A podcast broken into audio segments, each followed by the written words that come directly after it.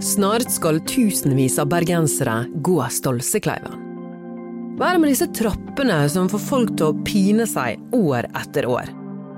Og når gikk det fra å være noe for de spesielt interesserte, til en folkefest? Jeg skal gå Stolsen, og jeg gruer meg.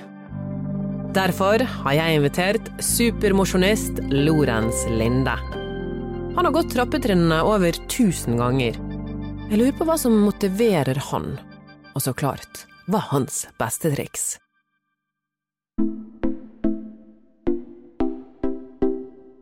Lorentz Linde, velkommen, veldig hyggelig å treffe deg. Du, I like måte. Det var veldig kjekt å bli invitert uh, til denne podkasten. Hvem er du? Vet du hva, Det er et godt spørsmål. Jeg er egentlig en uh, Hva kan jeg si? Jeg er en gutt som er oppvokst på Landås. Uh, munter og glad. Jobber på Kvinneklikken egentlig, men nå er jeg stipendiat på universitetet. Og så er jeg utrolig glad i å trene. Du er også en eh, stolseentusiast. Ja. Hvor mange ganger tror du du har gått den? Nei, altså, Tusen? ja, altså vi, det- ja, kanskje det. altså. Det begynner å bli noen mange hundre i hvert fall, etter hvert. Det gjør det.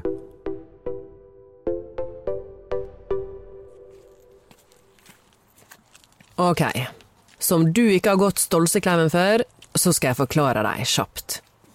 Det er en grådig bratt steintrapp med ca. 908 trappetrinn. Startpunktet er Fjellveien og går helt opp til Sandviksfjellet. Løypen er bare litt over 800 meter lang, men jeg synes det er den tyngste turen i hele Bergen.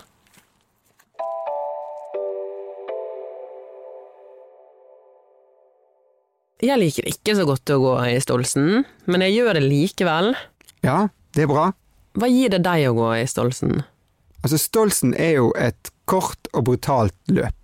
Og det betyr at veldig mange kan delta. Og så er det et løp hvor det ikke er så viktig hvilken plassering du nødvendigvis kommer på, sant? i forhold til veldig mange andre løp. Der er det det som teller. Her er det mer tiden din.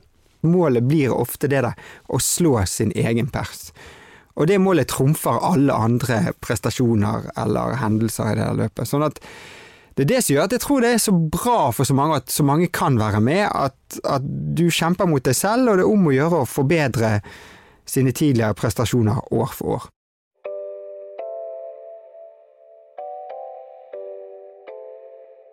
Lorenz, jeg lurte på om du kunne gi oss dine beste triks for å klare å gjennomføre Stolsen. Og kanskje få den tiden man syns er ok, eller kanskje mest av alt eh, lære oss å like og gå Stolsen. Aller først, hva skal man gjøre i dagene i forveien? I dagene i forveien, altså vet du hva, jeg tror faktisk jeg ville sagt uken i forveien, for det er litt viktig. For det at du trener ikke Stolsen de siste tre dagene før. Da er det ikke så mye vits å være i Stolsekleiven. Men de siste ukene før, la oss si siste måneden, så bør du ha et par runder i Stolsen. Eh, Noen klarer å ha to omganger i Stolsen i løpet av en uke, andre holder seg med én omgang i Stolsen eh, per uke. Men det er bare viktig at du blir litt vant til de der stegene, trærne, at du kjenner litt svingene, at du vet hvor det kanskje er litt løse steiner, hvor det store steiner som er gode å gå på, og hvor de små spisse steinene som du helst bør unngå, hvor de ligger. Og er du litt i stålsen, så lærer du de smådetaljene der, og det kan hjelpe deg på selve løpsdagen, altså. Det kan det. Men eh, siste uken, siste dagene, så ville jeg maks hatt én økt i stålsen løpet av siste uken, men de siste tre dagene så tror ikke jeg ville vært så mye i Stolsen, altså. Ok, så eh, går man opp mot fjellveien da. Ja. Møter mange andre spente løpere på veien. Og så møter du de som er ferdige å løpe. Ah, ja, ja. Skjønner du hva jeg mener? Altså, sant? så der gjelder det å ha litt sånn fokus. Og så er det godt å ha litt på spenningsnivå i kroppen. Sant? Du må kjenne litt at nå skal vi ut og gjøre noe. Så hvis man er veldig, veldig avslappet, så kan det være godt å, å, å gjøre seg selv litt nervøs. Rett og slett. Kan man bli for nervøs? Om du kan, ja. Ja, det kan du òg. Så det der er en balansegang, og det der må øves på. Uh, og det også handler litt om dette å ha vært i Stolsekleiven før denne siste måneden før Stolsen. For da kjenner du litt løypen, du er litt sånn familiær med hva du skal gjennom. Og det gjør jo at du blir litt nervøs, men samtidig så vet du at du kommer til toppen til syvende og sist, og du kan liksom senke skuldrene litt. Sant? Så det blir ikke så skummelt.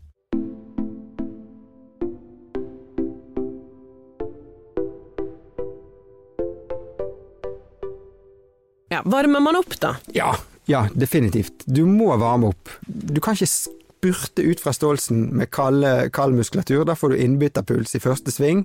Så stivner du veldig tidlig, og da blir det veldig lange minutter fra bunn til topp. Så det er viktig å jogge litt og få litt opp pulsen og kjenne at du kanskje Altså jeg pleier å si det sånn, du, du må ha litt sånn svetteperler i pannen okay. i løpet av oppvarmingen på et eller annet tidspunkt. Her forleden så gikk jeg Stolsen, og dette første stykket av Stolsen lurer jeg alltid på. Det er en sti med flate steiner som går på en måte i en svak oppoverbakke i en lang sving. Før trappene begynner. Hva skal man gjøre her? Jeg, jeg pleier ofte å se liksom på Stolsen og, og, det å løpe Stolsen eller gå Stolsen som altså, Det er litt sånn forskjellige nivåer, på et vis. Du har det første nivået som alle starter på, det er når man går hele veien. Uh, og det er det mange som kan klare. Etter hvert når man har trent en del i ståelsen, så begynner man gjerne å løpe litt på de lette partiene. Og da er det disse flatene. Det siste nivået, altså de når man, når man kommer enda et lite steg opp, så begynner man å løpe både trapper og flater. Og alle har vært på det stadiet hvor de gikk mest, og så eh, begynte de å løpe litt mellom trappene, og så til slutt så klarer man da å gjerne løpe hele veien. Men poenget er at det er veldig mange som begynner med å løpe dette første strekket, for da er beina friske. Eh, da er det relativt flatt, og det er noen flater du kan få langet litt ut. Og da er det viktig å bruke den farten. Eh, for de sekundene du tar i begynnelsen, de er vanskelig å Altså hvis du går glipp av en del sekunder i begynnelsen, så er det vanskelig å ta det igjen mot slutten av løpet. Så begynner trappene. Ja. Her tenker jeg, skulle man godt begynt litt rolig, sant, for å spare på kreftene, eller Hva tenker du? Hvis du deler Stålskleiven inn i to, så er relativt sett trappene i første halvdel Veldig mange av de er litt greiere og snillere enn trappene i andre halvdel. Så derfor så kan det være greit å, å ha litt frekvens og litt tempo første halvdel òg, altså. For hvis du går fort, så kan det være greit å ta to og to trinn i steget på noen av disse trappene, altså.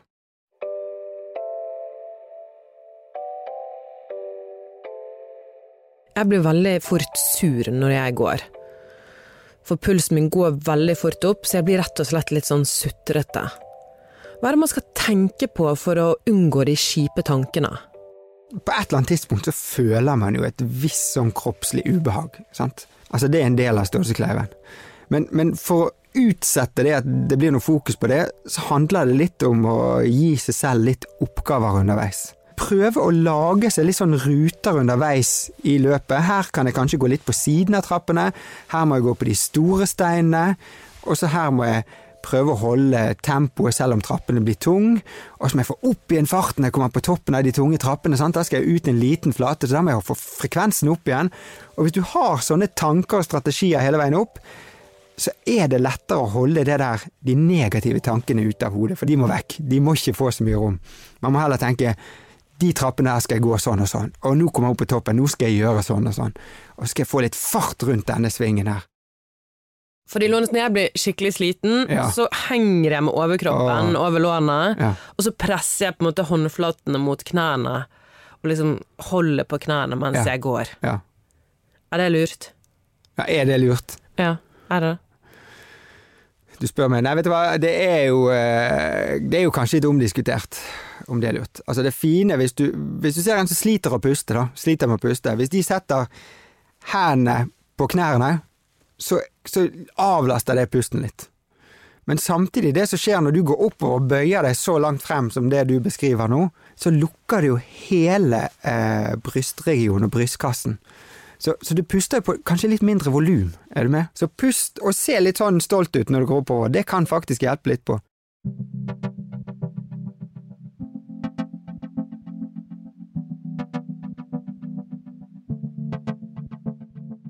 Når man nærmer seg slutten på Stolsen, ja. så kommer man til tretrappene. Der er det først en ganske sånn lang tretrapp, ja. så kommer det to halve lange, på et vis, ja. og så er det to små på slutten. Alltid her, uansett om jeg har presset meg eller ikke, så føler jeg liksom at jeg omtrent er døden der. Hvordan kommer man seg opp de trappene? Skal man holde i rekkverket? Skal man gå som en hund? Hva skal vi gjøre, Lorentz? Nei, der òg handler det litt om hva har man gjort frem til dette stedet. Hvis du har løpt hele veien, så kan det hende, og du er liksom en av de som virkelig løper Stolsekleiven, så kan det hende du bare må bite tennene litt sånn sammen, sant, og så bare løpe, holde frekvensen, holde frekvensen, holde frekvensen til du kommer til toppen av de her tre trappene. Det er det mange som gjør. Men så er det Og det er ren smerte, det. Ja, det er utrolig ubehagelig. Så er det noen som kanskje kan ha litt utbytte av å dra seg litt opp langs gjerdet. For har man litt, en typisk langrennsløper som er vant til å bruke armene, kan ha veldig mye igjen for å dra seg opp, kanskje bare med høyrearmen, men at du får brukt den muskulaturen oppover der. Og så er det litt som du sier, det går an å krype de òg, men da lukker du igjen brystkassen igjen, sant? det blir mindre pusting. Så det er ikke sikkert at det gir så veldig mye positivt effekt på tiden din, altså. Ok, man kommer opp tre trappene. Ja.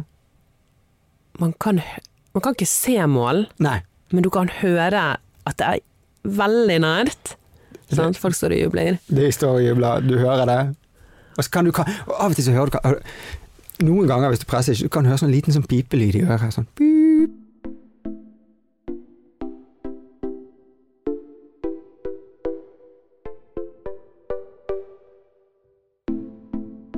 Du, hva var det som skjedde egentlig? Når gikk Stolten fra å være en sånn spesiell greie for kanskje spesielt interesserte, til en folkefest? Nei, altså Det er jo riktig, det begynte jo som en sånn litt sånn spesiell greie. Det er jo 1979 var første gang de arrangerte det sånn offisielt. På startlistene fra den gang så var ikke det så veldig mange som deltok, men det tok seg etter hvert opp. Men så er det jo litt sånn Det har jo vært litt sånn bølger i samfunnet, sant. Hva er det som er interessant, og hva er det folk hiver seg på? At crossfiten, som er litt populær kanskje nå for tiden, det er jo litt sånn eh, Stolsekleiven-aktig type trening. Sant? Du gønner på kort intensitet, eller kort, men intensivt. Sant? Uh, så det er jo noe som folk er litt fascinert av. Mm. Og så er det alltid kjekt når vi har de her pionerene som løper styggfort i Stolsekleiven. Uh, da blir jo vi andre imponert, sant? og vi har lyst til å prøve oss på dette her. Og så blir det liksom på arbeidsplasser rundt omkring i Bergen spesielt, så blir det gjerne en liten sånn snakkis. Skal du løpe stålseklæven til helgen? Skal du? Sitter i lunsjen sammen med matpakke. Ja ja, selvfølgelig skal jeg løpe stålseklæven og, det, og det, det, det smitter jo, for det er enkelt, og alle kan være med. Og du trenger bare et par joggesko. Kanskje en shorts, men du trenger ikke det hvis det er kaldt. Sånn, de fleste har det der utstyret hjemme allerede, så det er ikke så veldig høy terskel for å bli med på det. Og så er det jo ikke minst dette at man kan melde seg på som grupper. Da blir det jo en sosial happening for veldig mange, og det tror jeg også er nøkkel til suksess. Mm. Tusen takk for praten, Lorentz. Du, takk for at jeg fikk komme. Snakkes i Stolsen, da. Ja, det gjør vi garantert. Men det er ikke sikkert det sies mye der borte. Vil du tipse oss eller gi oss en tilbakemelding? Da vil vi gjerne høre fra deg. Send oss en e-post på hva skjedde bt.no. Denne episoden er laget av Anna Offstad og Anna Magnus. Vi høres.